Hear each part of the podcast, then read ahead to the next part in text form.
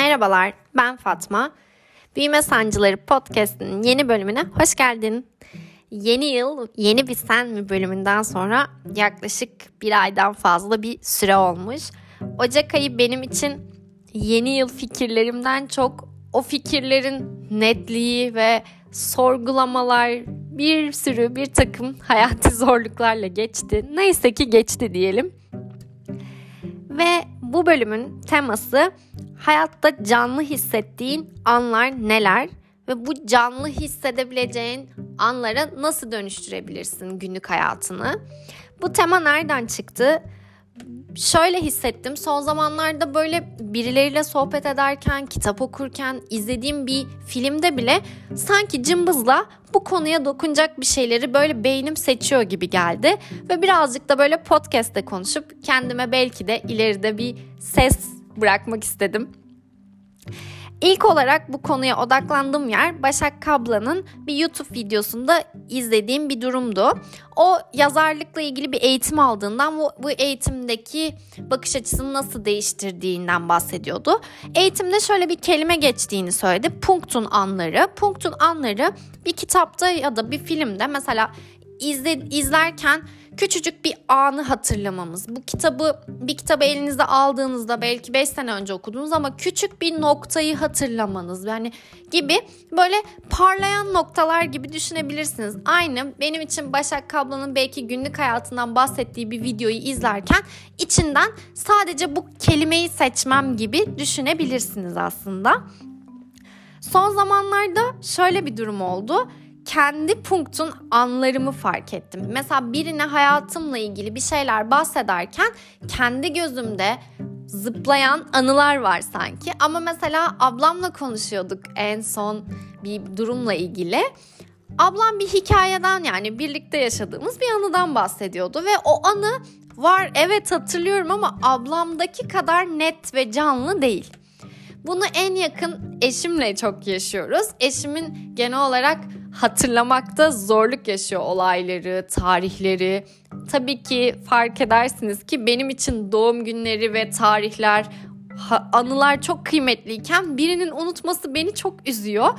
Ve hep o şu cümleyi kuruyor. Senin anlattığın şekilde hatırlamıyorum. Ben kendi kafamda belirli bir şekilde hatırlıyorum. Sen o noktaları değinirsen ben o olayı hatırlıyorum. Ve bu cümle direkt beni bu punktun olayına yönlendirdi. Ve kendim son zamanlarda şöyle bir şey fark ettim. Bir anıyı yaşıyorum, bir olay geçiyor ve o anıyı eğer mutlu mutsuz diye kodladığımı fark ettim. Ve en yakın zamanda da şöyle bir şey oldu. Bu hafta sonu 3 günlük eğitim için, mesleki bir eğitim için Ankara'ya gittim. Ve Ankara'ya gitme sürecim biraz sancılıydı işte.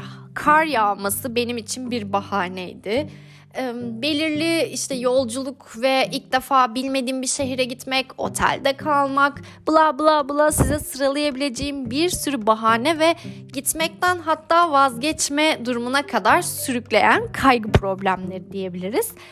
Ama eşimin bir miktar böyle e, ısrarı ve aslında işte otel kısımlarını, seyahat kısımlarını onların onun planlamasıyla birazcık bu kısımlar bende rahatladı. Ve Aksine o kadar kaygılıyken son bir buçuk hafta ne kadar neşeli olduğumu fark ettim. Beni görseniz böyle çocuk gibi Ankara'ya gideceğim için aşırı heyecanlıydım. Sonra üzerine düşündüm. Aslında bu düşünmeler çok eğlenceli oluyor. Benim için böyle bir yaşadığım durumu oturup sorgulamak terapiyle başlayan bir süreç ama eskiden böyle sanki öylesine yaşayıp gidiyormuşum gibi hissediyorum böyle yaptıkça oturup üzerine sorguladığımda davranışlarımı sanki hayatımı daha çok sindire sindire yaşıyormuşum ve farkında olarak yaşamak çok iyi hissettiriyor bazen. Bazen de çok iyi hissettirmiyor. Orası ayrı.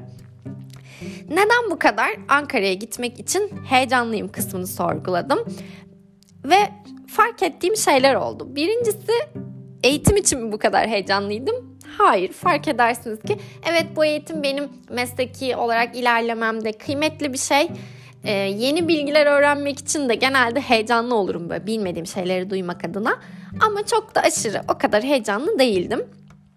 Seyahat etmek için mi heyecanlıydım? Evet en son Bolu'ya gitmiştim ama beni arabaya koyun yarım saatlik bir yere götürün ve müzik açın ben aşırı heyecanlanır ve mutlu olurum. Yani ben böyle moralim bozukken bile arabaya binip bir yere gitmekten aşırı keyif alırım. Evet bu benim için bir heyecanlı olabilir. Bu cepte diyebiliriz. Diğer bir heyecansa Ankara'yı hiç bilmememdi. Benim için şöyle bir geçmişi var Ankara'nın. Ben üniversitede hep Hacettepe'ye gitmek istiyordum ama böyle hani Ankara'ya gitmek değildi olay. Hacettepe'ye istiyordum. Böyle bir hayalim vardı. Neyse sonra sınav sonuçları vesaire İstanbul Üniversitesi oldu ve İstanbul'a gittim. Hiç de pişman olmadım. İstanbul'u çok seviyorum. İyi ki oraya gitmişim diyorum ve sanki İstanbul'a gittikten sonra böyle silini verdi o Hacettepe hayali, Ankara'ya gitme durumu. Arada sırada arkadaş ortamında söylediğim belki de Ankara'da okuyacaktım deyip geçtiğim bir şehirden ibaret kaldı orası. Böyle ama Ankara'ya eğitim için gideceğim netleştikten sonra bu hayal ve orada yaşasaydım nasıl olurdum hisleri geri geldi. Böyle hayal ve canlandırmaları çok severim. Bilmiyorum siz de yapıyor musunuz ama bazen böyle farklı bir paralel evrende olsaydım, farklı bir dünyada farklı seçimlerle ilerleseydim nasıl olurdu kısmı bazen evet mutsuz edebiliyor ama farklı bir Fatma olma hayali de bazen iyi gelebiliyor. Neyse burayı biraz uzatmış olabilirim. Birincisi seyahat etmekten çok mutlu olduğumu ve ikincisi ise hiç bilmediğim bir şehre gitmenin heyecanının beni bu kadar sarması olduğu fikri çok iyi geldi.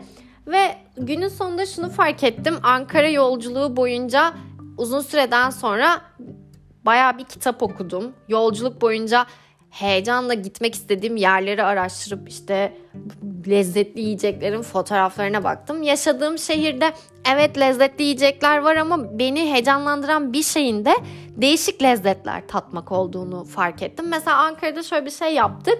Bir pizzacıya gittik. Klasik bir pizza söyledik. Ne olur ne olmaz aç kalma durumunda ve diğerini sevmeme durumunda bunu yeriz gibilerden.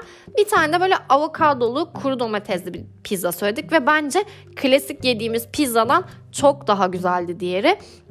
Böyle farklı lezzetler yemenin bana aşırı iyi geldiğini fark ettim. Bu da 3 galiba.